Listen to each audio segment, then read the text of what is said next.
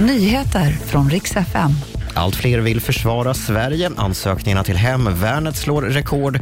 Och ordfight mellan författarna. Camilla Läckberg kräver ursäkt från Jan Guillou. God morgon. Först ska jag berätta att det lite stökiga vintervädret fortsätter även idag. Främst ser det ut att bli ordentligt med snö längs Norrlandskusten mellan Sundsvall och Umeå.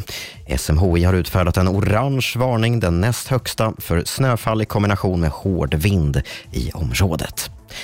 Allt fler svenskar ansöker om att gå med i Hemvärnet. Bara sedan årsskiftet har 1200 personer visat intresse. Samma siffra i fjol var bara 250. Och det är förstås krigslarmen från flera ministrar och från ÖB som tros ligga bakom ökningen.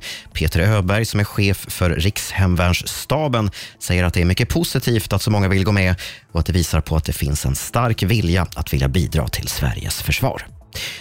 Och till sist, Camilla Läckberg är djupt besviken och vill att Jan Guillou ber om ursäkt.